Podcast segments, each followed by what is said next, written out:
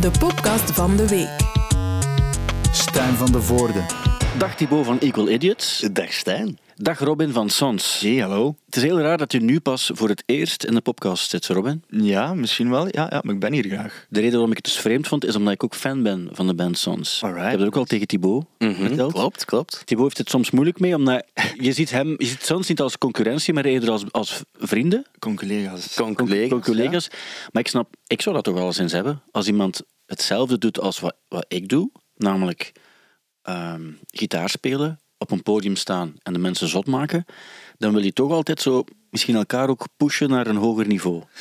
Oh, eh, ja, nee, ik denk, maar ik denk dat het ook nog ergens verschilt, hè, de muziek dat we spelen. Eh, dat denk ik wel. Ja, jullie spelen heel strak, hè?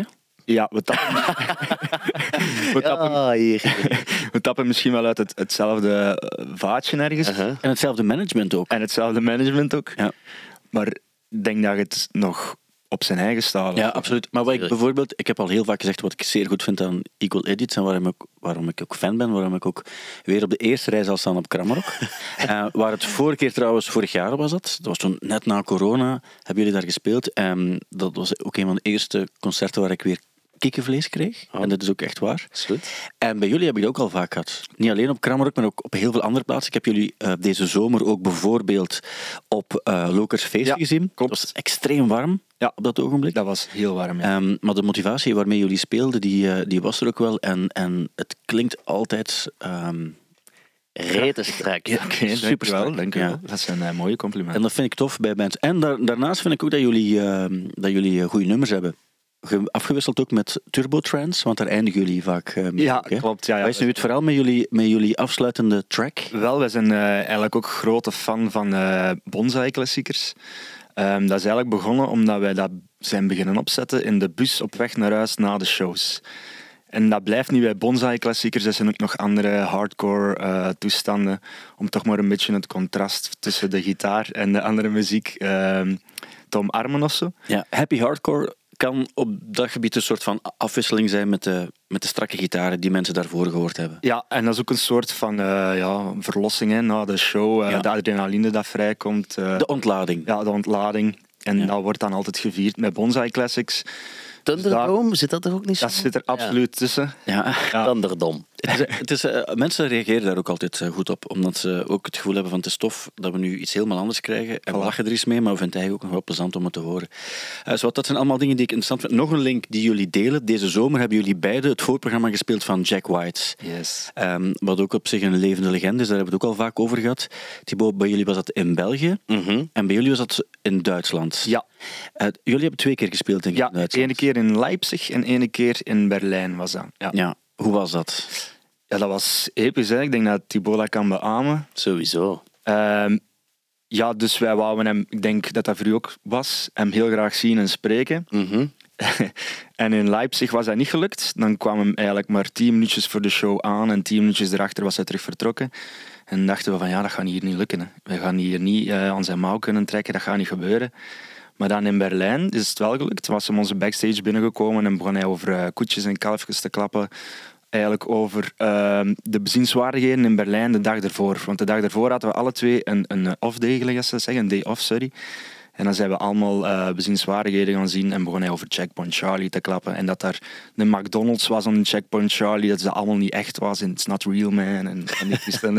En ehm, had je het gevoel dat hij een soort van gewoon mens was ook? Ja, Ja. mega hard. Ja, absoluut. Ja. Want Ja. dat is uiteraard ook, hè. maar ik bedoel, die mensen die, die een soort van eh, status hebben, die, die kunnen zich vaak niet meer gewoon gedragen, omdat ze te veel ongewoon behandeld zijn. Dat heb ik soms, soms Ja, dat gevoel had ik nu niet direct. Ik dacht het misschien wel eerst in Leipzig, hè, omdat hij zijn eigen niet direct liet zien. Ja, ja, maar ja. dan achteraf was dan het tegendeel bewezen. Mhm. Eh, wat wel was natuurlijk, als alle andere grote sterren, er staat management rond. Dus na vijf minuten waren, waren ze hem ook al terugkomen halen. En eh, kom Jack, eh, you need to go now. So. Ja. Ja, maar wat, mij wel echt heel hard opviel, wij zijn toen ook aangekomen aan Vorst Nationaal met ons mini-klein camionetje. En wij kwamen toen drie nightliners en vier camions tegen. En Ja. we dachten, oh, what the fuck is dit? En toen dat wij zo eh, naar beneden gingen, naar de backstage, waren alle lichten plots blauw.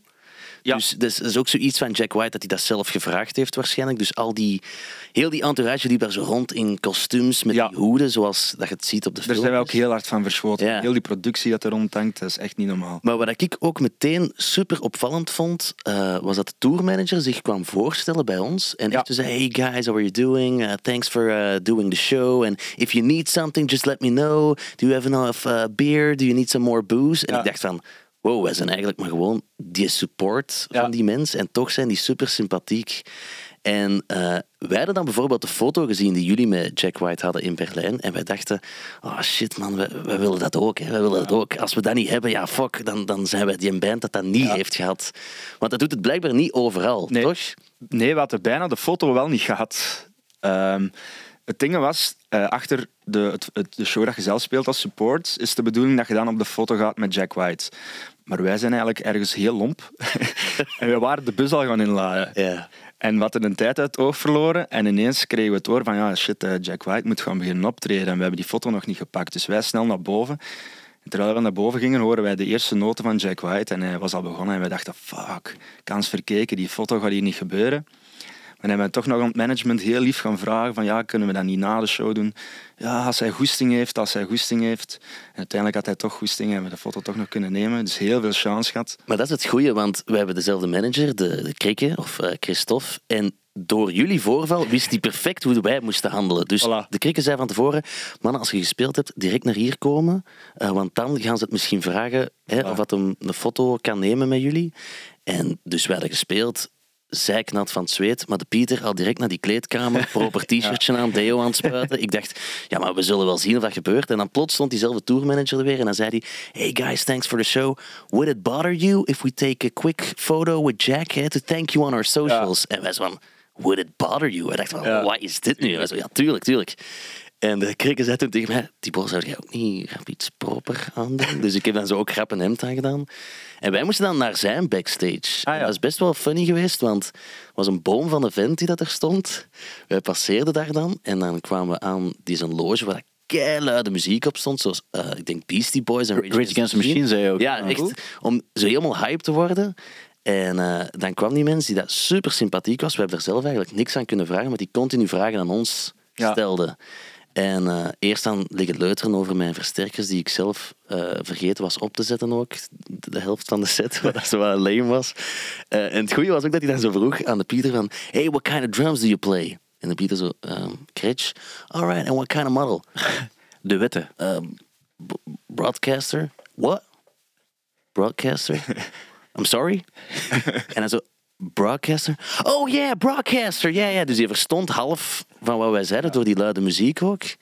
En dan vroeg hij ook aan Pieter van, what year is it? Omdat je dacht dat we allemaal van die vintage Ah, ja, ja, ja. dingen mee hadden. En de Pieter zei, 2022. It's brand, it's brand new. En hij zo, ah oké, dus onze street cred meteen naar beneden. Maar Allee, mij viel het wel op dat je super sympathiek Ja, ja, ja. Maar we hebben dat wel gehoord dat jullie daar eh, met gear over, eh, met hem hebben over gehad. Alleen van Arno, onze gitarist, is een hele grote gear nerd. En die was wel jaloers dat hij zo te horen kreeg dat jullie het over muziekinstrumenten hebben gehad. En dat dan over Checkpoint Charlie en de McDonald's ging. Ja, ja, wel, kijk. Maar je hebt het ook nog gehad over de reeks die we gemaakt hebben. Want, want we hadden een soort van, er bestond een soort van link, of er was een, link tussen, tussen jou. Want je hebt ook gesproken met eigenlijk jeugdvrienden van, Ja. van Jack White, eh, zowel in Nashville als in Detroit, bij de Third Man Records. En, en ik denk dat dat ook een soort van eh, extra extraatje is geweest. Ja, ik dacht van, ik wil dat misschien toch wel meegeven van... hey, kijk eens, ik heb jouw jeugdvrienden ontmoet. Zo Ben Swank, de persoon die eh, eh, vroeger ook in de Soul Dead Brothers speelde, zeker. Daar in eh, Nashville. Nee, Detroit. Detroit, ja. En eigenlijk de eerste was die Seven Nation Army ooit gehoord had. En een goede vriend is nog altijd. En mede zaakvoerder van Third Man. En ik dacht, daar ga ik punten mee scoren als Ja. ik dat zeg. Van, ik heb die gesproken. Ja. En eh, toen kwam de tourmanager. Ja, five more minutes. uh, we need to round up. En ik zei, ja, one more thing. It's, it's kind of funny because uh, I work for a Belgian radio station. En zo, oh cool man. En dan zei ik van, ja, we hebben een docu gemaakt twee jaar geleden. En we zijn van Memphis naar Detroit gegaan. eh, to study the birth of rock and roll. What do you say? The death of rock and roll. Zei, Nee, nee, nee, nee, nee, nee, the Oh, birth of my. rock and roll. En dan zei ik wel van ja, ik heb die man en die man ontmoet en gesproken. En eh, daar verschoot hij echt wel van. Ja, dus die was echt zo, ah, cool man, and can you, send it, can you send me the link? Maar VRT Max, dat is een leuke tip voor de mensen die nu luisteren. Niet internationaal te bekijken of te beluisteren, blijkbaar. Nee, maar we zitten wel in een nieuwe studio. Voor het eerst doen we het in deze studio. Het is een, een, we hebben nooit echt in de meest shitty omstandigheden de podcast van de week opgenomen. Die tijd is nu voorbij. We zitten echt op ons gemak in een, in een omgeving die daarvoor gebouwd is. En um, ik had wel, er stonden echt van die platen in die ze hier ooit gekregen hadden. Die heb ik er allemaal uitgehaald. Ja. Ik heb, voor de gelegenheid heb ik de platen aangepast. En de vraag is, zien jullie ook de link? Weten jullie waarom het deze platen zijn deze keer? Goh, um Oh, is dit, is dit een extra aspect? Het is dat je elke aspect. keer andere elke week anders zijn. Ik ga er altijd andere in. Maar kan je gewoon een paar platen die hier staan op, opsommen? Want mensen kunnen het niet zien natuurlijk. Arctic Monkeys staat hier. Ja. Uh, FX Twins staat hier. Ja. Alting Gun staat hier. Ja. ACDC staat hier. Ja. De Avalanches staan hier. Ryan Adams staat hier. maar wat is dan de link tussen de platen? Uh, heb jij een idee, Thibaut? Uh, zijn het allemaal bands die gespeeld hebben? Deze? Nee, ACDC kan niet. Nee. nee, jawel. Ik was ook aan het denken, zijn het bands die de festivalzomer zijn gepasseerd? Heeft het ook iets met Jack White te maken? Nee, op dit ogenblik zijn er dus mensen aan het roepen van... Ja, maar je, je hebt het allemaal gezegd, dus je weet toch wat de link is? Oei. Kan je misschien een paar andere bands opsommen die hier staan? Is dat, is dat Al J dat er staat? Ja. En Arcade Fire? Ja. Ah, al, ik weet het. Ah, met de A. Ah. Ja, ook makkelijk, omdat als ik ze van door elkaar haal, moet ik ze achteraf weer, weer wegstoppen. Nu kon ik ze van bij de A halen. Allemaal. Nu kwam het laat. Um, maar ja, ook niet, niet helemaal uh, toevallig trouwens dat ik deze erin uh, gezet heb, omdat er ook een paar platen um, actueel zijn. Bijvoorbeeld Arcade Fire zit er ook bij. Yes. Ja. En Arcade Fire, daar was deze week uh, wat om te doen om het voorzichtig uit te drukken, omdat die Win Butler, die um, is uh, ja, hoe, moet, hoe moeten we het zeggen? Thibaut, je hebt het in de ochtendshow ook uh, genoeg mogen vertellen. Ja, hij wordt nu eigenlijk een beetje aangeklaagd, uh, niet officieel aangeklaagd, nee. maar wel door vier personen wordt hij aangeklaagd wegens seksueel misbruik, mogen we dan zeggen. Of grensoverschrijdend gedrag ja. is misschien een juister ja. woord. Over misbruik is is nog niet gesproken. Ja, iemand had toch wel gezegd van dat hij het handje in een broekje had gestoken of zo. Ja, maar dan wordt er ook gesproken over uh, mutual consent, consent waardoor ja. het dan ook anders wordt bekeken.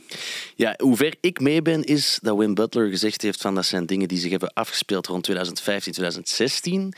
En dat hij het niet helemaal ontkent en zegt van sorry als ik iemand ja. pijn heb gedaan of, of gekwetst heb. Um, en dat bijvoorbeeld Regine, die daarmee in Arcade Fire speelt, dat die hem nog altijd steunt. Maar dat er ook heel veel backlash komt. En dat zelfs Canadese radiozenders nu besloten hebben om voorlopig geen muziek van Arcade Fire te spelen. -hmm.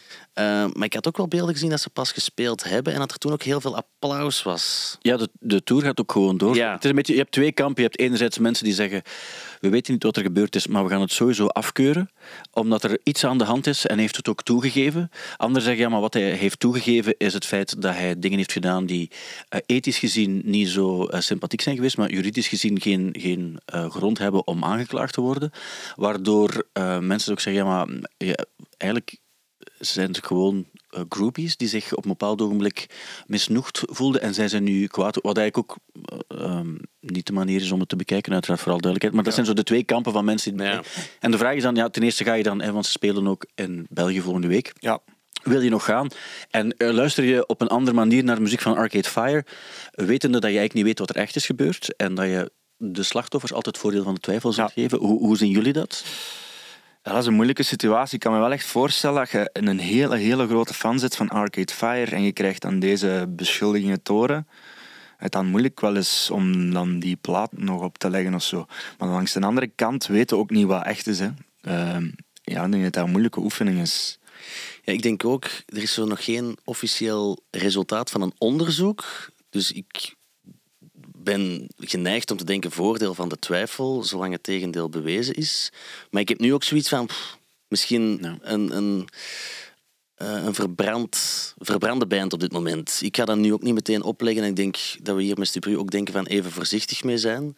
Langs de andere kant, zo die radiozenders die gezegd hebben van we draaien ze niet meer ja, Michael Jackson draait plots toch ook nog altijd iedereen. Dus dan denk ik van ja. Ja, dat, was ik ook al aan het denken. Dat toen gebeurde met Michael Jackson, was iedereen ook wel meer nog wel in de zin van ja, maar het blijft wel goede muziek en muziek is muziek. Of zo. Ja. Het, het is altijd, uh, altijd op hetzelfde neer, maar denk eraan als je, daar, als je daar gaat cancelen, om het woord dan toch te gebruiken, dan mag je ook geen Led Zeppelin niet meer spelen, mag je de Who ja. niet meer spelen, Iggy mag je Iggy Pop niet meer David spelen. Bowie. Mag je David Bowie, al die, mag je de Beatles niet meer spelen ook. Ja. Um, maar goed, als het vers is, snap ik ook wel dat het verser aanvoelt. En ik denk dat ook heel veel mensen, heel, er bestaan heel veel Arcade Fire fans, uh, dat zij wat afwachtend zijn in een, in een liefde voor de band. Ja. Snap ik ook Ja. wel. En daarom misschien ook minder zin hebben om naar een concert te gaan. Ja. Ook al willen ze eigenlijk heel graag gaan. Dus dat is een beetje het lastige. Ik heb Ryan Adams, staat er nu toevallig ook bij. Ja. Dat is ook zo iemand die, die heeft ook nog wel een plaat uitgebracht, maar niemand wilde ze eigenlijk uitbrengen. En bij hem was het wel anders. Bij hem waren er wel, was er een soort van grond om een klacht, officiële klacht in te dienen. Dan, dan heb je natuurlijk een, een ander verhaal. Dan twijfel je ook minder, denk ik. Maar ja, het is niet leuk als zoiets, eh, als zo'n nieuws komt bovendrijven bij helden. Ja, sowieso. Ik. Absoluut. Ja. Hebben jullie zin om naar Arcade Fire te gaan? Goh. Voor mij, ben, maar ik ben in eerste instantie niet zo'n super grote fan. Ik vind, ben wel oké met de muziek, maar mij Ja. zal er niet per se een plezier mee doen. Nee, je, leven, je leven zal er niet anders uitzien als je niet geweest bent. Nee. Er had eigenlijk maar één optreden geweest deze maand in het Sportpaleis waar ik wel bij had willen zijn. En het zou dan nog vandaag... Gisteravond, zo gezegd, als we nu op... Ja, ja wel, is, we nemen vandaag op, op 1 september. Ja. De podcast is op vrijdag. eh, En we daar naar Rage Against the ja, Machine gaan. Daar Ah, had ik niet voor. Ik ging niet gaan. En met de reden, omdat ik ze al eens had gezien, heel lang geleden. Dat was een van mijn eh, eerste optredens samen met mijn vader. In dat- Sportpaleis? In het Sportpaleis. En dat zit in mijn geheugen gegrift, omdat dat zo fucking awesome was. Ja. En ik weet niet of ik dat dan nog eens opnieuw wou zien of zo. Ja. Omdat dat voor mij bij die goede ene herinnering bleef, Ja. ben, heb ik geen tickets gekocht. Misschien heel stomme eh beredenering, maar ja. Ik snap dat wel. Ik snap dat wel. Want ik heb... eh, dat is nu nog iets anders van deze festivalzomer. Wij zijn naar Napworth geweest om Liam Gallagher te zien. En ik dacht, zotter dan dit gaat het nooit worden. En dan ben ik toch naar Here Here geweest, omdat ik dacht, daar speelt Ja. hij ook. En uiteindelijk was dat op een andere manier toch ook een supergoeie ervaring. Dus ik denk... Je hebt zijn fluit mogen ontvangen. Ja, Ja. Ook, maar ja, dat is, dat is een ander lang verhaal natuurlijk. Thibaut wordt al heel lang de fluitenvanger van Studie Brussel genoemd. maar dat heeft hij nogmaals eens bewezen. En het mooie vond ik ook, ik heb, heeft, ik heb hem twee keer ook iets gestuurd en heeft er nooit op geantwoord. Het was altijd over andere dingen dat ik een antwoord kreeg of zo, maar niet... Ik zei van, dat is een soort van letterlijk een teken van de goden dat je nu hebt gehad, als je Ja. een blokfluit vangt. Ehm, hij is dan bezig aan een nieuwe plaat ook, met Equal Edit. En ik, je kan dat niet maken om op die nieuwe plaat ergens die blokfluit niet in te verwerken. Ah, maar ja. Maar en Fool on the Hill zijn genoeg voorbeelden van blokfluiten in de moderne popmuziek. Natuurlijk. Waarbij je weet van het kan ook wel. En ik denk ook waarom. Er is geen enkele reden voor mij om het niet te doen.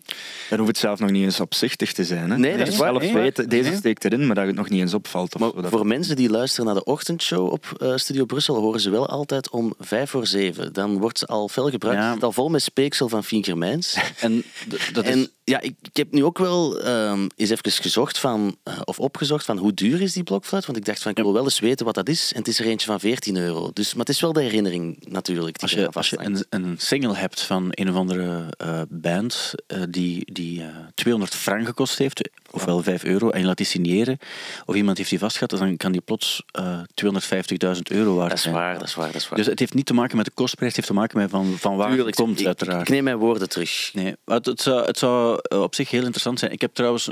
Mag ik, mag ik zeggen met wie dat je er ook een beetje aan het werken bent? Of is dat niet de bedoeling? Eh, dat weet ik eigenlijk niet. Ah, nee, misschien moet ik het niet zullen Ik, ik wil niet de beslissingen al nemen voor, voor Pieter natuurlijk. Nee, dat snap ik ook wel. Maar we werken met iemand Ja. samen op dit moment. Iemand, mag ik om het één cryptisch omschrijven? Iemand waar je ooit wel eens een oogje op gehad hebt. En Ah. dat is ook gezegd geweest, hè? Mag ik dat zeggen? Nee, nee, nee, nee, nee, nee. Ik Iemand- heb, ik heb het er met hem ook over gehad trouwens en hij was er ook oké mee. Juist, ja, Eh, dat heb ik ja. denk ik ergens gezien of gehoord. Maar Ik heb, nee, dat is wat, doet er niet toe. Maar eh, het is een... ehm, het is iemand ja. die goede muziek maakt en waar ik ook wel naar opkijk. Oké, dan ben ik Ja. benieuwd. ja, kan eigenlijk gewoon eens aan het management vragen. en Ja, je kunt dat aan de krikken. De krikken zal het allemaal zeggen. Zeer sympathieke kerel, moet ik er ook bij zeggen. Zeer, zeer sympathieke band ook, Mhm. waar hij deel van uitmaakt. Maar genoeg daarover. Hoe gaat het met jullie eigenlijk? Wat zijn jullie aan het doen? Goed, wij zijn vooral deze zomer veel in eh, het buitenland aan het spelen, Ja. heb ik de indruk. In binnenland hebben jullie ook wel... Ja, ja, natuurlijk. In het binnenland ook. Maar in vergelijking met dan vorige festivalzomers of zo, is er veel buitenland ook bijge- bijgekomen. Ehm, dus ja, dat is tof. We zitten veel in die bus. Ja.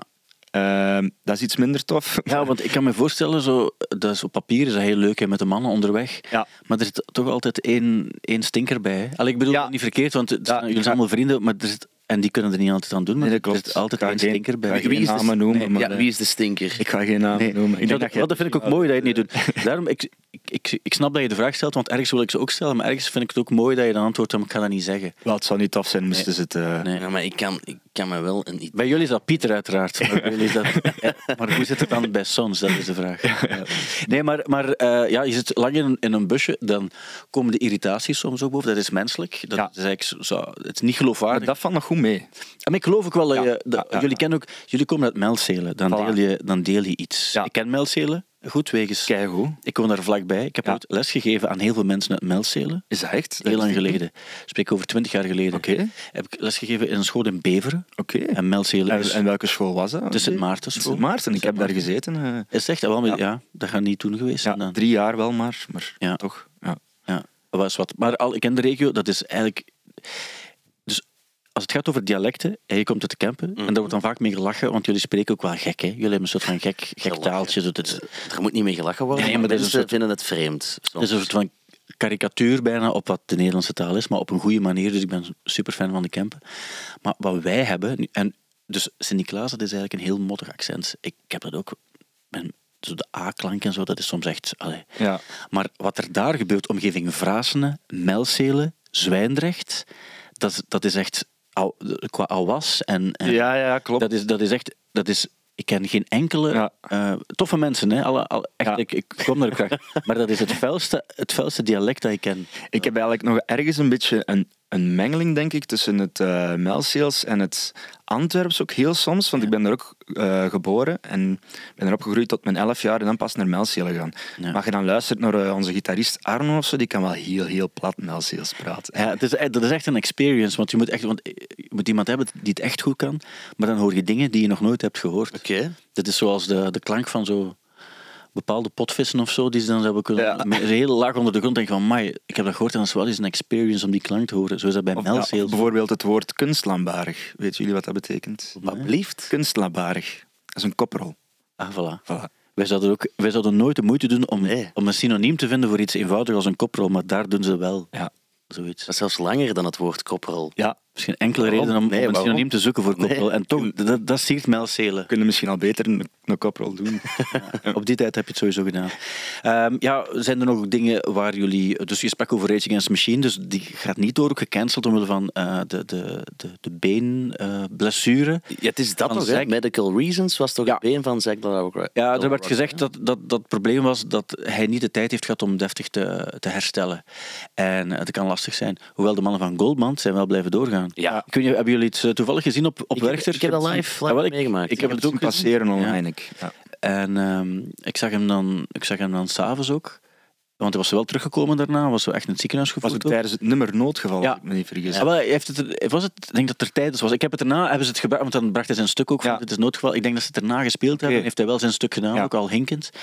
Ehm, maar effectief, we hebben het er vorige week ook over gehad, Otto Jan vertelde er ook, de beelden van op eh, Lowlands eh, van Goldband. Ik ben er eens gaan kijken, ook, Ja. dat, ja, dat is echt zo... Dat was echt zo buiten die tent dat iedereen daar zo nog Ja, en ook, maar ook in die tent ook. En ik dacht van, ah, dat is zo... ehm, er zijn die Hollanders, zo, dat soort van Max Verstappen ding dat je dan ook Ja, zag. ja, eh, of, of zo die renners die dan zo naar... ehm, bij, de, bij de Tour de France op naar Val... ehm, hoe heet het daar? Zo de, Ja, de, de, de, de bocht daar. Ja, ik kan er niet op komen. Zo wat alles die staan daar dan en die hebben dan een soort van eh, groepsgevoel dat ze, dat ze zo naar boven willen stuwen om... Ja. En dat geeft zoiets... Wij lachen daar dan mee, we vinden dat dan belachelijk, maar eigenlijk is dat mega cool. De manier waarop ze echt achter iemand staan. Ja, zo, dat is zoals André, de begrafenis van André Hazes. Ja. Dat een soort van massahysterie was in een soort van concerttempel. Ja, ja, ja. Dat, dat, dat zijn dingen die je ja, precies alleen in Nederland hebt. Ja, ik dat ik heel Ik had zo de, de indruk over afgelopen festivalzomer dat er eh, veel cancels waren en veel eh, ongelukken waren gebeurd. Of, ik weet niet wat het aan mij ligt of niet, maar ik had de indruk dat er veel groepen afzegden. Of misschien Ja. gebeurde dat elk jaar en was ik het even vergeten dat dat zo gebeurt, ik weet het niet. Maar in, bij Werchter bijvoorbeeld was het heel veel corona nog. Ja. En Greta Van Fleet viel toen bijvoorbeeld weg. En dan komt Turnstile gelukkig wel net voor Metallica speel. was een goede ding eigenlijk. Ja, en ook op, op Pukkelpop zijn er veel dingen weggevallen, maar dat is relatief, want er spelen ook zoveel bands. Ja. Ja. En daar kan je als festival uiteraard niets aan doen. Nee, als een band zegt van we komen niet. Ik was erbij ook, ehm, of nee, bijvoorbeeld op de Locus Feesten ook. Zij krijgen dan plots ook via de socials, eh, Bad Religion komt Ja. niet. En dan moet je plots ook wel iets anders gaan vinden. Want Ja. die komen, dus die, die komen niet, die, die laten ineens weten we komen niet. Terwijl je weet van ja, de mensen die tickets kopen, 60 tot 70 procent komen vooral omdat Bad Religion er ook zal Ja, staan. voilà. En dat, dat moet toch niet simpel zijn als concertorganisator of festivalorganisator. Om daar iets Dat waren de heideroosjes toen. ja, ze hebben toen, eh, ze hebben toen effectief, en dat is ook al als je twee Hollanders zover krijgt om een camping te, te verlaten in Frankrijk, om terug naar België te Ja, komen. waren op vakantie, dat klopt. Ja. Die hadden drie jaar ook niet gespeeld ook. En, en Ja. eh, ik hoorde mensen, ja, je hoort het ook, maar van, oh, dat ook wel zo voor wat dat moest zijn. Ja, bij Pukkelpop was het toch Slim Biscuit en dan werd het eh, Biscuit Park. Ja, Dat ook eigenlijk- gasten uit Melstelen trouwens. Ja. Maar ik heb dat toen gezien en, en ja, ik weet natuurlijk niet wat dat Lim Biscuit had gegeven, maar er was wel heel veel volk en heel veel volk heeft zich geamuseerd. En dan denk Ja. ik, dat is toch dan op een... Dus uh, stijl goeie- opgelost. ja, ja, Eh, ja, toch wel, toch snap, wel. Ik, eh, snap ik ook wel. Ja, we gaan morgen... nee, morgen als je op vrijdag luistert. Zwat, dit weekend is er de Taylor Hawkins eh, Tribute Yes. in, eh, in Londen.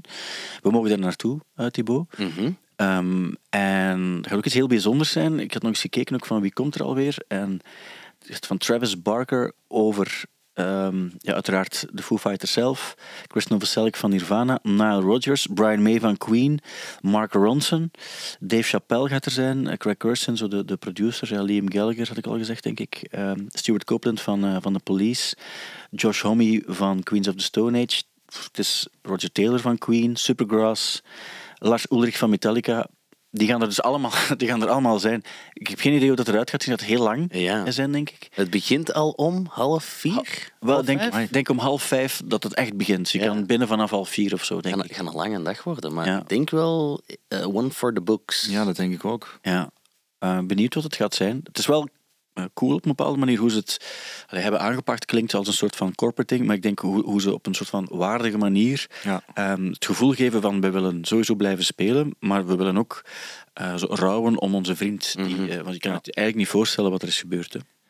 Het, het goede, eh, dat moeten we misschien ook wel zeggen, dat mensen denken van, ah ja, jullie werkt bij de radio, jullie kunt zomaar gaan. Ah, ja, Maar nee. We hebben eigenlijk zelf tickets gekocht en alle opbrengsten gaan naar het goede doel Ja. ook. Hè? Dus het is zowel redelijk toevallig dat we er toch zijn binnengeraakt en kunnen gaan. Absoluut, we hebben geluk gehad. Er zijn nog drie mensen van Studio, eh, Brussel die ook gaan, omdat ze toevallig ook tickets gekocht hebben, waaronder ook Stefke van de website. En die hebben ook gewoon tickets gekocht, maar wel met vervoer vanuit Birmingham bij. Oké. Oh. Dus die konden alleen nog tickets kopen uit die klas. Dus die Ja. ben ook benieuwd of ze, of ze eens naar Birmingham gaan gaan, heen en weer. Want technisch gezien hebben ze een busrit die daar... Die daar Ah ja. en dat was de enige manier, want dat was een heel rare manier, die verkoop. Plots waren die tickets dan weg, kwamen er weer terug. En dan, wij, we, we hebben echt niet zo'n goede plaats ook, denk ik. Maar we, We zijn erbij. we zijn erbij. We zijn erbij. We gaan er sowieso het beste van maken. Ehm, ik heb... eh, hebben jullie die Woodstock documentaire al gezien? Ja, Ja. ja. Ah, my. heel hard van genoten. Dat Wel genoten en, en Ja. ik was echt onder de indruk van...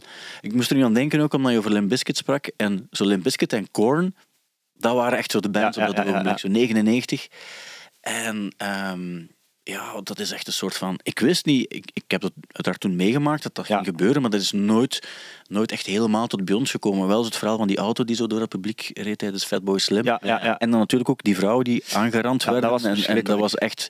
ehm, ja, Maar daar ook ben ik wel van verschoten toen ik dat zag. Van, eh, ja. en dat volk zag er ook echt zo heel ehm, opgepompt. Ja, ja, Echt heel fout studentenpubliek. Ja, frat boys, echt zo. Ja, dat, echt de frat boys, dat, was het woord. Allemaal ja, eigenlijk zo, ja, zo bloot bovenlijf. Ja, ja, ja. En, en klaar om, om, om zoiets Ja. verkeerd te doen. En, en dan, dat ze dan allemaal van het water dronken dat dan eh eh, sporen van, was, van ja. uitwerpselen bevatten en van die toestanden. eh, verschrikkelijk gewoon. De term mudshit had ik nog nooit Ja. gehoord, maar dat was de term die letterlijk gebruikt Ja. wordt.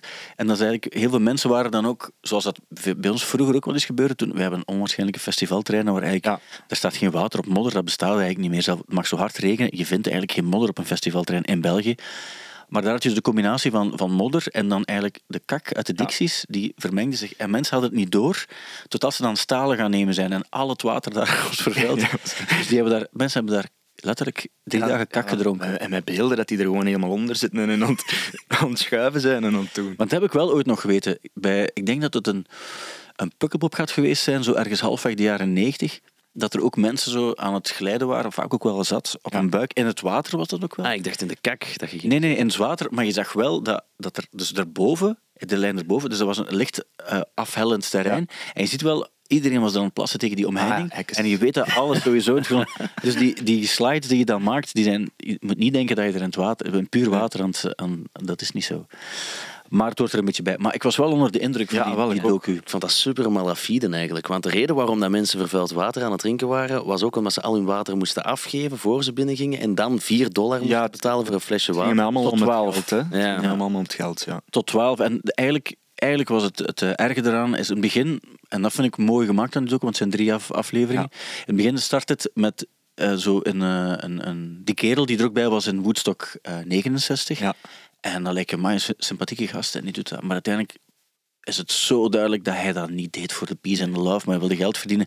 En eigenlijk is, er, is, is eh, Woodstock 99 niet zoveel anders geweest dan wat je met Fire hebt gezien. Het enige Ja. verschil is dat doorgegaan is, maar er werd niet gekeken naar, naar is dat realiseerbaar, gewoon op de tarmac eh, staan, eh, tot 12 euro voor een flesje water betalen, want op het einde was het 12 euro, omdat ze merkten van, ze zijn, zoveel kraam, kraampjes zijn weg, Ja. zoveel concurrentie, ze moeten wel komen nu, en dan plots hebben ze die prijzen verhoogd ook. Amai, dat is... Dat is Er zijn er ook die ja, een beetje de schuld op bijvoorbeeld de bands afsteken. Hè. Dat lijkt bijvoorbeeld Limp Bizkit of zo, dat dan met nummer, hoe noem het nummer, Breakstuff. Breakstuff en Nookie, en Ja, hebben ze... dat ze dan denken van ja, die hebben het volk opgejut, het is uw schuld, daarom zijn ze kwaad. Maar dat was, dat was vooral die promotor, hè, die Sure, of, hoe- weten hem. En hij zei ook van, ja, die verkrachting die dat dan gebeurd is. Ja, kijk, eigenlijk, je Ja. Woodstock vergelijken met een dorp. Dat zijn evenveel mensen. Ja, er zijn eigenlijk evenveel verkrachtingen als in een dorp gebeurd. Dan denk ik van, Ja. what the fuck, man. Die, dat is net hetgeen wat ik ook bedoelde met, met het fire gegeven. Daar is je ook het gevoel van, ah, maar er zijn een aantal bij die, die zoals bijvoorbeeld die, die vrouw die heel veel heeft gefilmd ook, zo backstage, of gewoon in, op de, in de kantoorruimtes. Zij besefte hoe ernstig en hoe verkeerd het eigenlijk is geweest. En een aantal die het ook niet willen zien, hoe, hoe- wat er allemaal is gebeurd. Ehm, maar ja, ik vond het wel indrukwekkend om te zien. En ook wat er, wat er op dat ogenblik zo groot was. Als je zo kijkt naar die... Ik wist, ik wist wel dat Korn groot was op dat Ja. ogenblik, maar niet dat dat zo groot Ja, was. En wel Bizkit ook niet hetzelfde. Nee, ja. En, en namen zoals Jewel en, en, en plots staat dan ook Sheryl Crow daar. En, het enige wat er naar geroepen wordt is Tette Bloot. Ja. Ehm, maar je zal er dan ook maar staan. Zo. Dat, was echt een an- dat is raar om te zeggen, maar dat was een andere tijd. ja, en de artiesten werden ook bekogeld met allemaal flesjes. En, eh, allemaal En, da- en dat, dat snapte ik ook nog, want effectief dat terrein, als je zo bij ons, eh, als, als, als er een werchter of een pukkelpop zo gedaan is, dan zie je Ja. de scoutsen van, van de omgeving, die gaan heel dat terrein proper maken. Als je de dag daarna op dat terrein toekomt, dat is helemaal proper. Ja. Eh, en dat, dat is daar, dat was zo, Ja. kost geld, gaan we niet doen. Security daar was ook belachelijk. Ja. Ehm, Of de Red Hot Chili Peppers dan op het einde. Dat ze, eh, toen iedereen alles in brand was aan het wou ik steken, net toch nog een cover spelen van Jimi. Hendrix. fire. ja. Ja, ik had gelezen dat ze wel sowieso een cover gingen doen van Jimi Hendrix, maar dat ze dan uiteindelijk gezegd hebben, we doen Fire. Maar dat- het goede vond ik, dat is aflevering 3. En ik dacht na aflevering 2, wat gaat er nu nog in 3 komen? Want dan moet toch de aftermath zijn, want er kan toch niks zotter zijn? En dan dat ze gewoon kaarsen hebben uitgedeeld tegen wapengeweld. Dat is toch het slechtste idee dat iemand ooit gehad heeft om wat kaarsen te beginnen uit te delen. Ja, dat is, was het? 200.000 kaarsen. Ja. hadden ze- Dat Dus kan weer- ik weet vroeger, de, de, de paniek op de werkers vroeger in de jaren 90 was ook van ah, de kampvuren gaan er weer zijn. Ze wilden Ja. het heel streng zeggen op van geen kampvuren. Nu gebeurt er ook al lang niet meer. Maar dat is ook hetgeen wat, wat, wat je ook wel merkt en wat ik ook wel geloof, is dat als, als een publiek het gevoel heeft van ja, maar ze, we worden hier niet gerespecteerd voor wie we zijn, dan gaan we kwaad worden. Ja. En daar moest ik ook aan denken, want we hebben eh, de eer gehad om op Pukkelpop te mogen draaien de laatste avond in de, in de club. En wat, wat ik zo fantastisch vond, dus om drie uur moest dat- moesten we stoppen, dan was het gedaan ook. En die tent stond eigenlijk nog vol. Maar er is niemand die zo boe begint, of dingen beginnen gooien. Of zo. Mensen hadden zoiets van, ah, we hebben ons... Het was, het was, het was heel tof. maar, ja, maken ze dan geen vuurtjes meer op het einde? Of beginnen ze niet meer met, met flessen naar elkaar te gooien dan? Of zo? Ik zie dat niet meer. Ik weet nog dat dat vroeger Ja, wel absoluut. op, op eh, keihard gebeurde. En ik stond daarmee tussen ook, ik geef het eerlijk toe. Ah, ja, maar dat, dat, Ho, ho, ho. Rebel. Nee, maar Ja, ik snap, ik het ook. Het, het is ook maar wat het is. Maar dat was ook straks plastic aan het verbranden. Maar ik zie dat niet meer zo. Ik heb niet het gevoel dat dat nog gebeurt. Oké. Nee. Ehm, ja. Maar misschien ben ik er ook niet altijd nog Maar het dat ook- ja, ik denk dat het ook gewoon niet meer nodig is om zo'n dingen te doen. Ja. Of mensen... Nee, wel, ik denk dat mensen ook minder de behoefte hebben om, om, om Ja. dat soort dingen te doen. ja. Ehm, ja, de voorverkoop is ook gestart van Harry Styles. Ik denk dat we ervan mogen uitgaan. Ik heb tickets. Heb je, heb je? Ja, dus ik heb eh, gelukkig een, een... Want ik zat zelf in de auto op dat moment. Maar eh, mijn lief eh, heeft mij net een bericht gestuurd van we hebben tickets. Ja. Dus ik ben eigenlijk wel blij, want ik... Het is niet zozeer dat ik Harry Styles veel zou opzetten thuis, maar ik denk wel dat het het grootste pop- of muziekfenomeen is misschien van, de afgelopen, van het afgelopen jaar toch zeker. Dus ik denk, ik wil daar wel eens bij geweest zijn Ja. als het zover is. Wel, onze bassist Jens de Ruiten, die is daar wel fan van. En die is ook eh, naar het afgelopen concert geweest. En die, is ook wel dat dat echt, echt wel, die was er wel van onder de indruk. Ja. Het was wel eh, de moeite waard, toch? Dat is grappig ook. Er is niemand tegen Harry Styles. Ja. En dat is ook denk ik, heel eigen aan deze tijd. Vroeger zou, zou dat wel zo geweest zijn. Dan zou, je, zou die heel veel tegenstand gehad hebben, omdat hij ten eerste populair is. En ook omdat hij eh, popmuziek maakt en uit een verleden heeft in een boyband enzovoort. Ja. Maar dat, daarom denk ik dat hij echt een, ook over 50 jaar als het, als het belangrijkste popfenomeen van, van Ja. deze tijd zal gezien worden. Omdat alles wat er rond hem hangt. En dan mag hij dragen wat hij wil. En dan mag hij maken wat hij wil. En zeggen wat hij wil. Ehm, dat, dat wordt allemaal gerespecteerd. Ook al is het niet noodzakelijk exact wat we gewoon zijn. Wat vroeger wel zo was. Want vroeger had je als boyband. moest je eigenlijk vooral ook doen wat er al bestond. En, en dan niet echt iets afwijkends. Zo, dat was zo de veilige optie. En nu is dat niet meer nodig. Dus ik denk ook wel als je, als je erbij bent. En ik kan me voorstellen, zeker in het Sportpaleis. Dat, dat, ja, dat was echt ehm, gestoord. En, en de fans ook gewoon, die zijn ook allemaal gestoord. Allee, Ja. In de goede zin dan. Eh, Ja. hoe Wat voor kleren dat die aan hebben. Ook allemaal eh, lichtjes bij en zo. En er, en er horen dansjes bij en van alles. En, Ja. Mhm. Ja. Ja, we zijn ook naar, naar eh, Billie Eilish geweest. Ja. Eh, in het begin van de zomer hebben we het er nog niet over gehad, denk ik, in de, in de Nee, podcast. nee, Wegens, denk ik wegens eh, start van de podcast van de zomer dan. Maar dat was ook zoiets. Ik, vond dat, ik, ik vind dat op een bepaalde manier ik vind dat ook ontroerend of zo. Ja. Om te zien hoe dat eh, als, als, ehm, als je zo'n soort van gemotiveerde act hebt, of artiest in dit geval, in het geval van Billie Eilish op haar manier, bij die Harry Styles dat ook, die geeft altijd het gevoel dat ze er volledig klaar Ja. voor zijn. Dan denk ik, ehm, ik vind het ontroerend dan hoe die mensen erop reageren en wat er dan, wat er dan ontstaat ook in zo'n zaal. Van die, van die mensen die... Ja, dat klinkt wat klef allemaal wat ik nu aan het vertellen ben, hè, maar jullie hebben dat zelf ook, dat je voelt van mensen vinden dat oprecht fantastisch dat wij hier aan het spelen zijn. Ja. Ja. En, en ik vind dat zelf, want ik ben, ik ben uiteraard zelf geen muzikant of ik sta niet op een podium om dat soort dingen te doen. Maar ik denk, op dat ogenblik maakt het eigenlijk niet uit dat je daar niet bent. Dan ben je gewoon blij dat je er deel van uitmaakt of zo. Klinkt, klinkt een soort van Eucharistie-speech die ik nu aan het Ja, zelden zo spiritueel. maar, hè. maar ik, ik vond dat toen ook bij die, bij die, bij die Billie Eilish dingen ook. eh, Dus misschien ook omdat ik weet dat mijn dochter er dan ook is. En die heeft ook zo'n leeftijd, die is 16 dan, waarbij, waarbij je ook weet, ehm, dat, die gaan er naartoe en dat betekent ook iets. En, en zij- ik ben ook naar Ed Sheeran geweest bijvoorbeeld. Ehm, ook ook met, met, met haar zo. En daar was het anders wel, vond ik. Ook veel mensen die dat fantastisch vonden, goede productie ook en zo. Maar je voelt dat dat zo minder love brand is, zoals bij een Harry Styles. Ja, ja, ja. Bij Lokers Feesten was Louis Tomlinson daar. En dan was de grote schrik ook van, gaan er niet te veel mensen de dag ervoor al kamperen? Dus daar, dat is iets minder, omdat die ook minder de popweg ingeslagen is. Maar die, die wil een soort van, hij is ook een grote Oasis-fan bijvoorbeeld. En hij wil echt zo, ehm, zo zijn versie van gitaarmuziek maken. Ja, ja, ja. Maar Ja, ik moet al beginnen lachen. Ik heb het niet eens beluisterd, maar ik moest al een klein beetje lachen. Wat ik trouwens ook nog heel ontroerend vond aan Billie Eilish was dat er dan wel truien te koop waren voor 90 euro. ja, dat is dan echt... dat vond ik ook super Ja. ontroerend. Maar ik moet zeggen, ik vond dat, want ik heb ook, ik heb ook Coldplay gezien en, en zo, dan denk ik van die merchandise, die t-shirts als je die ziet, en los van of ze mooi zijn of niet, maar je weet, een productieprijs, zo'n t-shirt kost 6 à 7 euro. Ja. En daar dan 45 euro, dat is eigenlijk, dat kan je niet, dat kan je niet. Maar dat vind ik ook wel, absoluut, dat is waar. En dat is ook wel belangrijk dat we dat ook zeggen. Ja, dat vond ik zo wel een klein beetje belachelijk. En ik dacht van ja, allee, dat zijn allemaal meisjes, ay, voornamelijk meisjes van rond de Ja. 16, 17 jaar. En dan dacht ik van ja, nee, eigenlijk zijn die wel heel clever, want die weten dat de mama en de papa die truien gaan betalen. Dus maar zo'n 90 Ah, ja. euro vind ik er wel zo los over. Ja. Voor een mottige trui toch? Wel ja, maar de, de, de, de artistieke waarde van de trui, daar kan je dan nog over discussiëren, want het heeft dan nog met persoonlijke smaak te maken. Maar dat je die prijs vraagt, dat is eigenlijk niet, niet op geen enkele manier goed te keuren of Nee, te verklaren. nee. ook. En dat is wel ook, mensen zeggen dan, ja, maar dat is, maar dat is ook de artiest, zij weten dat ook. Ja, ja. Billie Eilish, maar ga naar de site van Billie Eilish. Ik ga daar soms ook naar kijken, omdat er soms heel rare merchandise... Ik vind het heel interessant om zo bij grote bands te kijken, wat is zo de merchandise die je aanbiedt. Billie Eilish die kijkt ook af en toe op haar site en die weet ook dan dat er dan lippenstift aangeboden wordt voor 40 dollar en plus verzendingskosten. En, eh, dat is waar, dat is, dat is, niet, dat is niet zo. We moeten kritisch blijven Ja. eigenlijk. Hè? Het is belangrijk, Thibaut, dat jij er bent om... eh, want ik was, ik was te ver gegaan in mijn ontroeringsspeech daarnet. Ja. En ik wil daar een stuk van terugtrekken. maar het gaat te laat zijn, hè. Het gaat te laat zijn. Die Louis Tomlinson trouwens, dus X, X1D, ik zeg 1D, ehm, die heeft ook een eigen festival in de buurt van Malaga. En de Vaccines en zo spelen daar dan ook. Op zijn festival. Hij heeft dan de Vaccines uitgenodigd en die komen daar ook spelen. Dat is cool. Ja, en dat is ook zoiets dat eigenlijk niet te verklaren zou geweest zijn 25 jaar geleden. Ja. Onmogelijk. En nu zou, oké, Louis Tomlinson. Ja. Ook dezelfde Dat is dezelfde man die daar filmpjes en, en, en foto's en zo maakte als, als Liam Gallagher bijvoorbeeld. Die... Ja, je hebt ook eh, een DJ in, eh, in eh, Nederland, Renier eh, Zonneveld, Ja. Ah, ja. heet hij. En die, ehm, die heeft ook een festival nu eh, volledig op zijn eigen.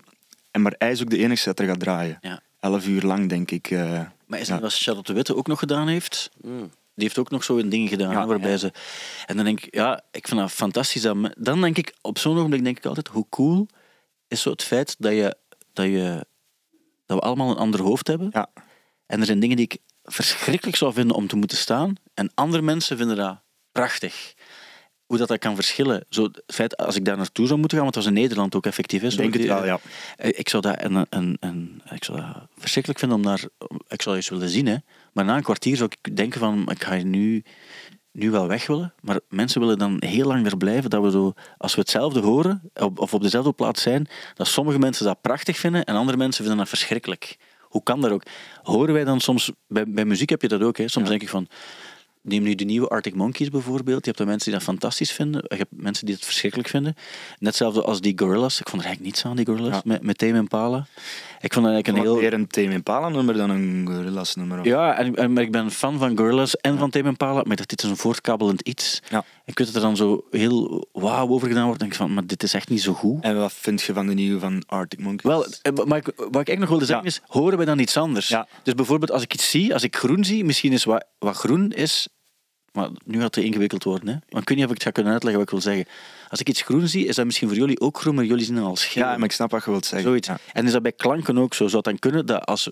Dat, dat, stel je voor dat ik zou horen wat jij hoort als je bijvoorbeeld de nieuwe Arctic Monkeys hoort. Ja. Hoor je dan misschien iets totaal Ik heb er anders? ook al eens over gedacht. hoe, Ja. hoe, hoe werkt dat eigenlijk? Ja. Oh, maar dat is wel de eerste keer dat het hier zo moeilijk wordt. Ja, het is wel podcast. diep aan het gaan, maar ik Ja, ben wel mee. zo- Ik ben volledig mee. Ik ben al wakker sinds kwart voor vier. Hè. Ik weet het, maar is, wil, wil je meegaan in mijn trip of niet? Ja, ik snap denk ik wel wat je bedoelt. Want dat, dat is toch de smaak... Hoe kan het nu... Dat is net zoals als ik iets smaak... Ja. In mijn Proeft dat zelf ja, iemand anders. koriander, dat is een ramp. Ja, koriander, ja. kruidnagel, dat is een ramp. Ja. Ik vind Roosmarijn is een ramp.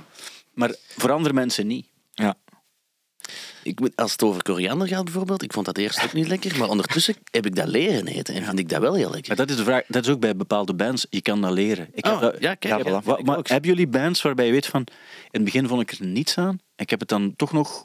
Ik heb het binnengekregen en nu... Dus, wat, wat is jouw olijf? Dat is de vraag. Hey, ik, heb, vraag. ik heb een goed voorbeeld daarvan. eh The Fall, bijvoorbeeld. Eh band uit Manchester. Marky Smith, de zanger, is ondertussen al overleden een aantal jaar. Maar dat is echt zoiets waarvan ik in het begin dacht van... eh, vrienden die ik had, vonden dat geweldig. En ik dacht, ik moet dat ook wel geweldig vinden. Ehm, en dan heb ik dat geprobeerd om zo goed te vinden. En dan dacht ik, ja, wat is dit? Maar door dat meer en meer te beluisteren, vind ik dat nu echt bangelijk. Ja. Ja, ik snap het ook. Maar bij hem is het ook de, de hele trip eigenlijk eh, waar, je moet, eh, waar je moet zitten. Hè? Ik denk dat dat bij mij een beetje eh, bij de Smashing Pumpkins was. Of zo. Ah, echt? Ja. Ah, Ehm, een beetje door Arno ook. Die heeft mij daar eh, ja, een paar nummers van doorgestuurd en echt wel overtuigd dat dat wel echt een gigantisch goede band is. Maar ik had er in het begin niet direct zo'n feel mee of zo. Ja. Die is wel gegroeid, dat wel. Ik ben, ik ben eigenlijk altijd eh, fan geweest van de, de 90s Smashing Pumpkins. Zo Gish, Siamese Dream, eh, Melancholy. Dat Ja. vond ik heel goede platen. Maar dat zijn wel platen, als ik die nu hoor, waarbij ik denk, ik zou dan nooit durven aanraden aan, eh, aan zo'n, bijvoorbeeld een, een 18-jarig iemand. Ja. Bij wie ik wel de Beatles zou durven aanraden, omdat je weet dat klank zo nog fris genoeg is. En, en, en Ja. bij de Smashing Pumpkins, hij is zo fuzzy 90s soms, Ja. waarbij dat dan moeilijker is om dat eenmaal binnen te pakken als je die meegemaakt hebt, behalve als je de moeite wil doen of als je misschien zelf wel, als muzikant er dingen in Ah, wel, dat Ja. vind ik ook goed wel, zo. De Smashing Ja, Pumpkins. mega goed. Ja. Ik, ik heb dat ook zo gehad wel bij zo Nick Drake-achtige dingen. Waarbij ja. ik dacht van, Ja. oh, dit is wat geneuzel. En dan doe je, dan, doe je moeite om zo meer dingen te leren kennen. En dan hoor je dingen die je dan wel goed vindt door die strijkers enzovoort. Ja. En dan wil je die andere dingen ook weer binnenpakken. En nu vind ik dat eigenlijk wel oprecht heel goed. Ja. Ja, Die Five Leaves Left van Nick Drake vind ik een supergoeie plaat. En zijn er dingen andersom die je wel eerst goed vond en dan? Arctic Monkeys, Ja. in mijn geval toch? Ja. Ja, maar dat is ook gewoon omdat ze nu, we hadden het net ook over het feit, die, die Billie Eilish en, en Harry Styles, en die geven je altijd het gevoel van, we zien het volledig zitten, jullie hopelijk ook. En ik denk dat we het, we hebben er vorige week ook een klein beetje over gehad, dat, dat had je niet het gevoel bij Arctic Monkeys, je had niet het gevoel van die mannen zijn er klaar voor en zijn mega gemotiveerd om hier... En dat, dat heb je gewoon als publiek niet graag, denk ik. Nee, maar ik vind die nieuwe single vind ik ook... Het is wel raar dat ze zo anti-muziek, anti-singles uitbrengen. Ook. Ja, dat is bewust ja. ook. Ze hebben ook, Ja. ze hebben ook altijd gezegd, we gaan geen AM meer maken. Je gaat het echt zien. We gaan echt geen... Mhm. Eigenlijk zeg je dan, we, we gaan geen eh, perfect gemaakte pop-rockliedjes meer maken. Ah, wel. Terwijl dat is net Ja. hetgeen wat een historisch heeft gemaakt. Maar dat, dat wist denk ik ook iedereen die fan is van tevoren, dat het geen EM ging zijn. En ik denk ook dat we nooit nog teruggaan naar zo die eerste platen. Maar eh, dat moet ook niet. Ik vind het ook ergens cool dat ze gewoon eigenlijk doen wat ze willen. Maar ik ben hier nu weer in ze aan het spreken. En ik heb het gevoel dat eigenlijk vooral Alex Turner is dat daar met de, De- plak zwaait. ja. En dan heb ik die videoclip bekeken waarvan ik dacht van... pff, die denkt precies echt dat hij in een soort van film leeft. Of die zou dat heel graag willen. En dan zag ik directed by Alex Turner. En dan dacht ik, jij is een klein narcisje toch? en ik heb nu nog eens foto's opgezocht met collega's van Serge Gainsbourg in zijn jonge jaren. En dan denk ik, die wil denk ik heel graag iemand anders zijn dat hem misschien toch niet helemaal is. Of hij doet dat heel bewust om een soort van parodie Ja. te worden op een soort van iconen dat er al geweest zijn. Snap je? Allee, dat gevoel heb ik toch heel ja, hard. qua rol spelen. Ja. Ja. Wat, wat heb jij En- het gevoel nu met, met, met Robin eh, als het over die nieuwe... Ah, wel ja, ik denk dan inderdaad dat ze hun eigen volledig anders willen profileren. Maar wat ik mijn eigen afvraag is, voor het gevoel van de fans, wat die nu hebben van Arctic Monkeys en een andere weg ingaan, is dat vergelijkbaar? Ik was er niet bij, want ik was nog te jong, maar is dat vergelijkbaar met wat bijvoorbeeld met OK Computer was gebeurd? Had er ook een andere richting weer uitgegaan? Of is dat helemaal niet vergelijkbaar? Of... Ik denk het wel op zich, hè, want, want zeker zo in, in het geval van, van, van Radiohead, je had dan die eerste platen, die Pablo Honey, dan weet je, dan was Ja. alleen Creep, hè, dat mensen kenden. Ja. Dan had je de band, wat eigenlijk ook zo'n perfecte popplaat was. En dan had je die, die Cat A, wa- was ik, had je OK Computer. En dan daarna heb je dan de, de Kid A-achtige platen gehad, ook, waarbij het plots iets anders werd. En uiteraard vallen er dan mensen ook af, maar dan had je niet het gevoel dat ze, dat ze er niet meer om gaven of Nee, zo. nee, nee. En ik denk dat ze nu bij de vorige plaat, bij die Tranquility Base, eh, Hotel en Casino, waren ook heel veel mensen die al aan het afhaken waren, hoewel er wel nog... Ik vond het niet helemaal terecht, want ik vond er wel nog toffe nummers op stonden. Ja, ik, ik ben ook aan het denken aan andere voorbeelden. En ik heb dat bijvoorbeeld ook heel hard bij de band Ceremony, Ja. dat we allemaal wel kennen. Vroeger echt een mega harde hardcore band. En die zijn dan zo'n soort van shoegazy-achtige weg ingeslagen. Zo heel... ehm, ja, Joy Division was Ja. het al bijna. En ehm, daar was ook heel veel kritiek op van de fans. Van, oh, wat is dit? Het is mijlenver van die hardcore. Maar als die spelen, staan die daar nog wel altijd met de volle goesting. En spelen die die nieuwe nummers Mhm. Ja. keihard. En die oude nummers ook met evenveel plezier. En dan Ja. denk ik, die staan daar wel en die doen waar dat ze voor staan. Wat ik mij nu afvraag, want ik ben ook niet mee eens hè, met, de, met de, de nieuwe van Arctic Monkeys, maar wat ik mij wel afvraag, gaat het dan over een paar jaar als geniaal worden beschouwd of nog altijd als even stom, Ja. snapte? Ik denk dat jullie dat als songwriters ook beter kunnen inschatten. Eh, Kan je niet bepaalde nummers ook op basis van objectieve inschatten of dat echt een goed gemaakt nummer is? Ja. Of daar iets in zit? Maar die Arctic Monkeys bijvoorbeeld, dat is goed gemaakt. Nou ja. Dat zit geweldig in elkaar. Ook zo die, eh, die ehm, strijkers en zo, dat is absurd. Ik vind, dat zit super goed in elkaar. Maar ik denk niet dat het hetzelfde gevoel opwekt als eh, het gevoel waarmee ze Ja. wereldbekend Ja, zijn geworden. Dat is altijd het ding van artiesten willen evolueren. En je neemt zo'n Paul Weller bijvoorbeeld. In de jaren 70 had je dan de jam en dan was dat meer zo op de punk, eh, de Ja. punkrock. En dan in de jaren 80 was het de Style Council, waar echt van die piano ballads waren ook. En in de jaren 90 is echt zo de, de Britpop die erin zit.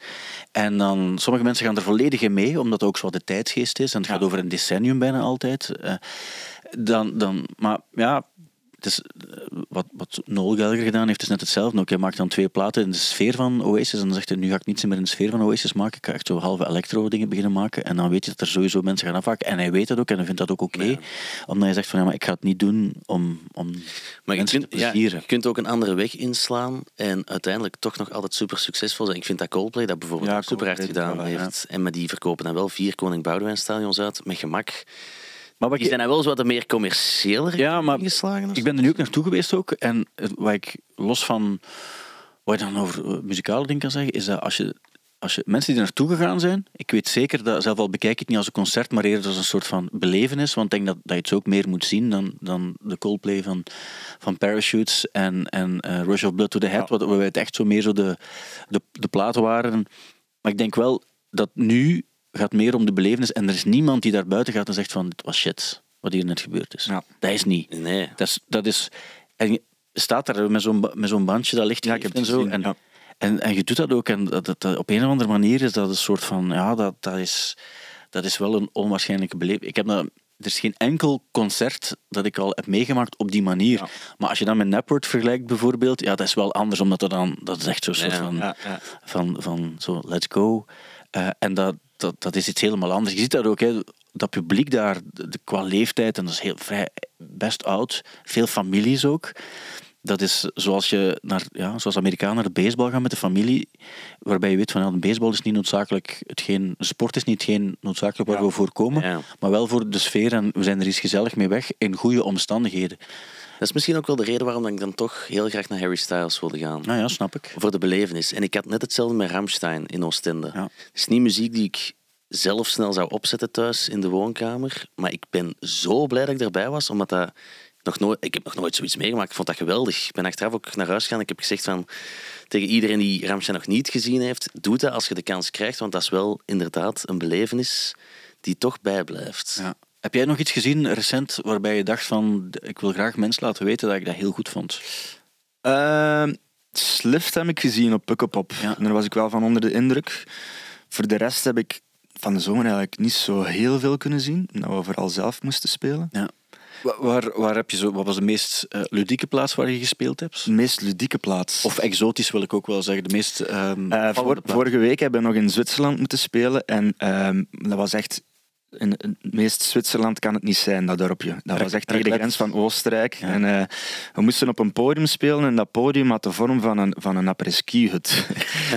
dus dat was wel heel exotisch, moet ik zeggen. Ja. En eh zelf de PA, waar onze geluidsman in moest zitten, hè, de Bram, de, Ja, ja. Thibaut kent hem ook, die zat ook in een soort van apres-ski-hut. Dus wij zaten op het podium en wij wel zien die zitten voor ons. Bram en een het moet nu al en lachen. zo, zo rechts en links had je een raampje en er was dan een koe door aan het kijken. En langs de andere kant was er dan zo een, iemand met een Tiroler muts aan- door aan het kijken. Dus dat was wel heel, eh, heel speciaal.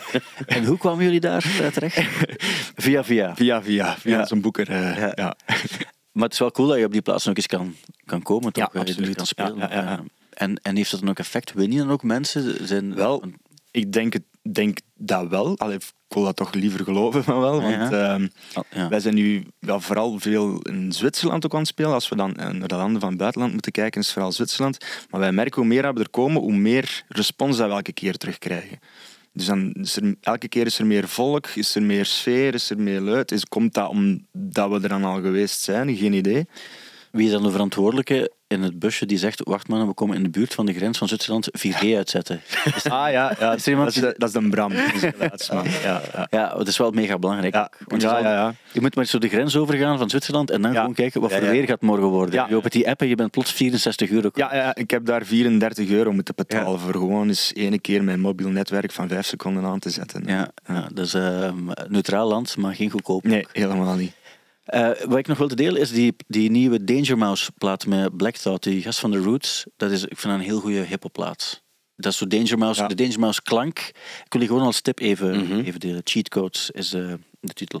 En dan wil ik ook nog eens aan jullie voorleggen. ehm, dus vandaag komt de nieuwe plaat uit, als je op vrijdag luistert. En anders eh, weet je dat het een paar dagen geleden is.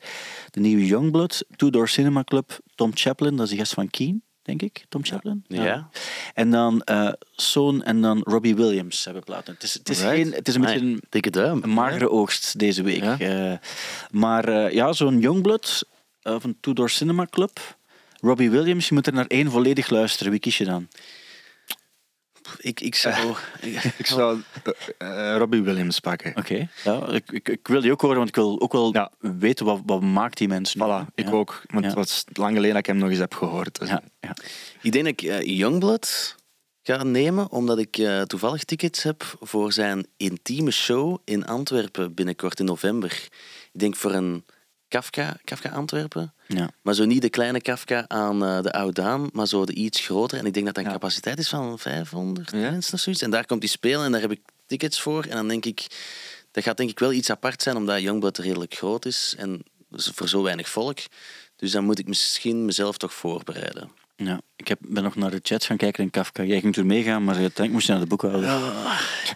Nee, nee, ik ben naar de boekhouder geweest bij Dive. Maar dat is Ah, ja. niet goed dat ik zeg dat ik nog een optreden gemist heb daardoor. Dat was, dat was een andere reden. Maar zo, doet er niet toe. Maar eh, ja, Youngblood, voor mij is dat een moeilijke. Ja, maar ik vind dat ook super moeilijk. Nee, nee, maar ik ben niet tegen. Ik ben niet, sowieso nooit tegen. Hè. Ben, eh, ik, Super sympathieke ja, kerel. ik weet het. Ik heb, hem ook al, alleen al. ik heb hem ook al gesproken. Maar ik dacht van... Ehm, is- wat gaat er komen? Nee, ik weet niet met zeggen, maar is zo, ik, vind, ik vind ook, hij is een artiest en, en, en dan mag je ook theatraal zijn, ook zo, maar dat moet ook niet altijd voor mij. Soms denk ik van, ja, maar nu ben je zo de parodie van de parodie van Ja. jezelf. Ik ben ook, Ja. ben ook zeker niet tegen, maar het gevoel dat ik bij Youngblood krijg is een soort van mannelijke Avril Lavigne. Ja, Maar dat is zeer bewust, denk ik ook. Ja. maar voor mij, bij mij, en nu ga ik... eh, ik heb, vorige week was er één controversieel punt in de, in de show, waar ik dadelijk misschien nog heel even op terugkom. Eh, misschien het controversiële punt voor mij voor deze week is, zonder dat ik controversieel wil zijn voor alle duidelijkheid, maar dat is het gevoel dat ik heb, is dat de link tussen Machine Gun Kelly en, ehm en Youngblood, Youngblood. niet altijd zo... Of dat de grens niet altijd zo... Hoe moet ik het zeggen? Hoog of laag of Ja. breed is. Voor mij is dat soms wel een beetje hetzelfde ding. En dat bedoel ik niet noodzakelijk als een compliment.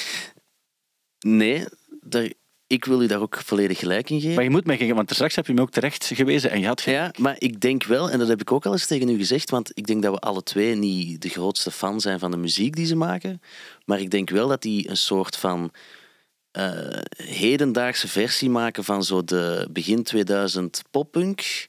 En dat ze dat op een manier doen waardoor dat, dat weer heel hard aanslaagt bij de jeugd. En dan denk ik, toen ik zo oud was en dat Blink-182 luisterde, was er ook zo'n soort van samenhorigheidsgevoel. Ja, ja. En ik vind het ergens wel cool dat die dat dan... Ja, ook al is dat zo half rip-off, hè, maar die doen dat op hun manier toch ook. Ja. En ik heb liever dat ze dan de poppunk nemen in plaats van dat ze de bagger hip-hop maken zoals Machine Gun Kelly dat vroeger deed. Zo'n verknipte rapper zijn.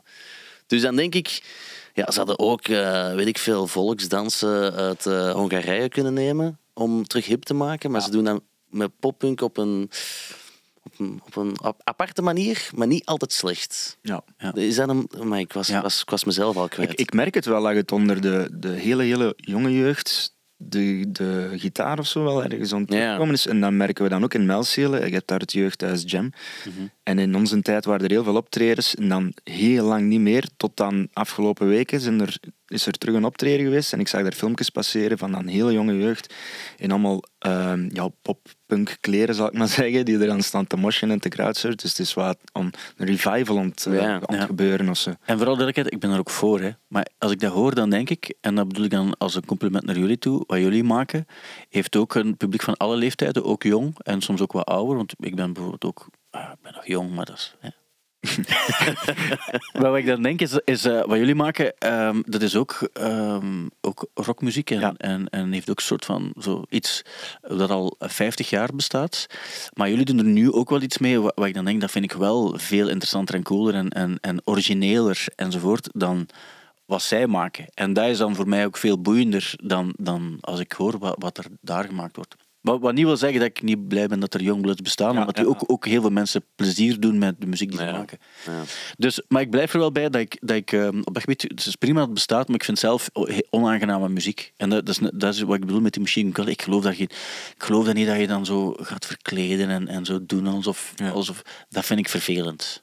Maar dat, ligt- dat zal, zal aan mij liggen, Dat vind ik aan mij. Nee, ik eh, kan u er wel in volgen ergens. Ja. Weet je wat trouwens het controversiële punt van vorige week was? Nee. Het was toen met Otto Jan en Lennart. Ik, En heb het ging, ge- ik heb geluisterd wel, hè. wel, en ik heb nogal wat reacties gekregen ook van Pearl Jam fans. Oh, Ah, oh, En oh. zij waren ontgoocheld. Het ging toen eigenlijk over, over het, ehm, het ging in het begin over zo bands als Creed en Hoobastank Ja. en ehm, hoe heet ze weer van ehm, Disturbed. Disturbed. en dat die als yeah, yeah zingen. En dat er eigenlijk dan misschien ook niet altijd, ja, de- als, je, als je Eddie Vedder hoort zingen, zit dat er niet altijd zo ver van. Maar dat vonden de Pearl Jam fans absoluut. Ja, maar- ja, ik, dacht, ik dacht toen ook wel, toen ik het hoorde, dacht ik wel, dat daar gaat iemand niet zo blij mee zijn. Als, Nee, nee, als maar- het gezegd wordt. Maar ergens is het. En ik ben, ik ben, ik ben pro Pearl Jam bijvoorbeeld, hè, voor alle duidelijkheid. Ik wil niet zeggen dat ik pro Disturbed en zo ben, maar ik ben wel pro Pearl Jam. Maar soms zingt hij gewoon zo. En dat is ook zo'n beetje zijn, zijn ding, dat is ook niet erg. Maar hij zingt soms wel. Soms is het. Zo, Lennart, ik kan het niet nadoen, want Lennart kon het, kon het veel beter nadoen. Lennart deed het als... eh, yeah, yeah, oh, oh, I'm still alive. En dat zeg ik met het meeste respect. Voilà. Want ik Je, heb je zong het met respect. En Ja. dat is de reden waarom het niet, niet controversieel Maar zo, is. zo is het ook gewoon, want ik heb, eh, ja, ik heb toch die podcast opgenomen met Jasper Stevelink over Ja. Pearl Jam. En toen heb ik het ook aan hem voorgelegd. Van ja, dat is toch een soort van... Je, je bent er precies voor of tegen, tegen zijn stemgeluid. En hij heeft dat toen ook helemaal onderbouwd en beargumenteerd. Van ja, daar zijn er voor of tegen, maar hij kan ook echt wel zingen. Absoluut. Maar ik ben ook, dat is het ding ook. Soms moet je ook eens met een band kunnen lachen ehm, Nee, waar we voor zijn. Waar we niet, voor serieus, zijn. niet te serieus hè, kom. En, en als het zo is, dan is het zo. Dat is net zoals je kan, je kan bijna elke band parodiëren ook. ehm allee, ik kan het niet, want ik ben heel slecht, slecht in stemimitaties, maar soms ben ik ook wel eh, gelukkig als Ja. iemand een nummer dat ik goed vind of een artiest die ik goed vind ergens op een juiste manier kan eh, neerzetten en er bepaalde dingen van kan uitvergroten. Ja. Mhm. Maar alleen bij jullie zou ik het niet kunnen. Nee, Ik zou jou niet kunnen parodiëren. eigenlijk dat gewoon eh, iemand op je teen laten trappen en keihard- roepen. Ja, maar nee, want jullie zijn veel melodieuzer dan en dat vind ik, er- vind ik er ook goed aan. Ja. Maar wat, ehm, wanneer kunnen we jullie... Ik denk dat jullie Leffingen Leuren ook gaan doen, hè? Leffingen Leuren gaan we doen, ja. Ehm, en ik denk dat dan de festivalzomer... Backyard Festival gaan we nog doen. ja. Merksplas. Ja, ehm, ik ben er waarschijnlijk nog een paar aan het vergeten. Maar dan in het najaar staat de casino in Sint-Niklaas wel al op planning. Ehm, de Warande in uh, Turnhout. En eh, het Depot in Leuven. Oké, allemaal eh, goede locaties. Ja. Absoluut. Vooral Sint-Niklaas dan. Ja. Ik durven zeggen, zoals het is. Hè. Ja. maar de casino echt wel een van de leukste zalen om, eh, wel. Ja, om te absoluut. spelen. En je wordt daar heel goed verwend, moet ik ook toegeven. Kijk, dat is de typische Sint-Niklaas gastvrij, eh, gastvrijheid, die bestaat nu eenmaal. En eh, daar ben ik ook blij om, dat, dat er zo'n toffe zaal als de casino bestaat ook. Jullie spelen, voor de mensen die op vrijdag luisteren, vandaag op, op Krammerok. Maar ook En ehm, gelukkig niet, niet te laat, want het is rond half zeven, denk ik. Ja, half Maar, zeven. Want, dus we moeten op tijd gaan slapen, want de dag erna moeten we vroeg naar Londen vertrekken. Ja, klopt. Je bent gemotiveerd toch ook, hè? Zeker en vast. Want je moet vroeg opstaan en zo, dus ik snap ook wel dat... Nee, maar ik eh, heb er heel veel zin in, in onze trip naar Londen. Iemand die volgende week naar Fleet Foxes zou willen gaan, trouwens? Welke, welke dag zou het zijn? Ik denk dat het eh, de zevende is of zo. Woensdag 7. Woensdag 7. Nee? Goh, dan moet ik eens kijken in mijn agenda. Wat, Fleet Foxes, ze komen ook naar de Roma, dacht ik. Ik, eh, ja, dat ga je, dat ga je misschien nog zeggen, maar ik ga wel naar Kurt File. Ah ja, maandag. Ah ja, in het Rivierenhof, Ja, Rivierenhof, ja. Eh, ja, gaat ook heel tof zijn. Ja. Sowieso. Mensen, hebben dat, ja, mensen kunnen dat niet horen, maar het licht is hier ook plots Ja, helemaal het is veranderd. is dat iets dat jij gedaan hebt? Of? Wel, ik had het willen doen als je over Jack White sprak, omdat hij ook in zijn backstage die Ah, blauwe, ja, die blauwe eh, lampen had. Maar ik heb dat inderdaad gezegd, maar op basis van voice control. Maar trouwens, op basis van eh, het feit dat we hier nu in de nieuwe studio zitten, heb ik trouwens ook nog iets meegenomen. Ah. Ik zie iets, Want mijn lief die luistert elke week zeer trouw naar de podcast. waarvoor dank. En die, die zegt het altijd tegen mij, maar ik zeg, ja, je moet dat ook eens tegen Stijn zeggen als je hem nog eens ziet.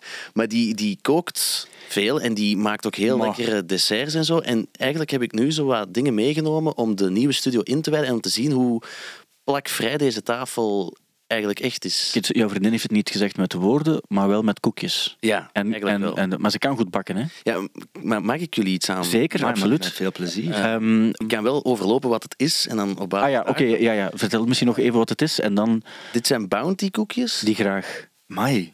Ik weet niet of jij een bent. Ja, jong, absoluut, absoluut. Eh, dit zijn ricotta koekjes. Oké. Omdat we op reis zijn geweest in Sicilië en daar lekker van gesmuld hebben. En dit is mojito cake. Mojito Is er niet een mojito song of zoiets? Nee, dat is misschien wat fout. Nee, misschien moet, moet ik het anders even... Maar fantastisch, ik ga sowieso die bounty gaan, ook omdat er gewoon letterlijk een halve bounty op ligt. Ja, En dan weet je sowieso, je kan bij die ook nooit geschadeld zijn, want die bounty ligt er, die heb ik sowieso binnen en de rest zal sowieso ook er lekker zijn. bounties, bounties in, dus het is wel de moeite hoor. Normaal is er een regel bij artiesten ook, eh, ik heb het ooit meegemaakt, dat, dat ik toevallig eh, op een plek was waar Ed Sheeran Ja. eh, ook was, en bij het interview, en net voor het interview begon, zeiden ze, ze hebben hier zo'n grote cake gebracht. en toen zei Ed Sheeran, oké, van ja... ehm, zo van, oké, zet je hem op de gekende plaats of zoiets, zei. En dan was er iedereen weg, we waren nog niet aan het opnemen ook, en zei van, ja, heet dan de gekende plaats? Dat is een plaats die, die dus niet meer geschikt is voor consumptie, omdat er blijkbaar ook altijd schrik is dat ze daar bepaalde dingen in doen. Dat iemand, ja, Ah, ja, oké. hij, hij zei zoiets, ook zoiets van, ehm, eh, ik weet allee, niet dat ik ver- verdenk dat ze er acties in gedaan, maar vroeger gebeurde dat blijkbaar, dat, Ja. dat er cake gebakken werden en zo, en dat er Ja. echt crazy dingen in gedaan werden. En dan wil, je wil geen taart vol schaamhaar eten. Nee, de- maar dat zal hier niet het geval zijn, hè, denk ik. Eh, En als het wel zo is, en het is van je vriendin, dan wil ik het doen. Robin, Thibaut, dankjewel. Graag tot de volgende keer. Yo. And in the end, the love you take.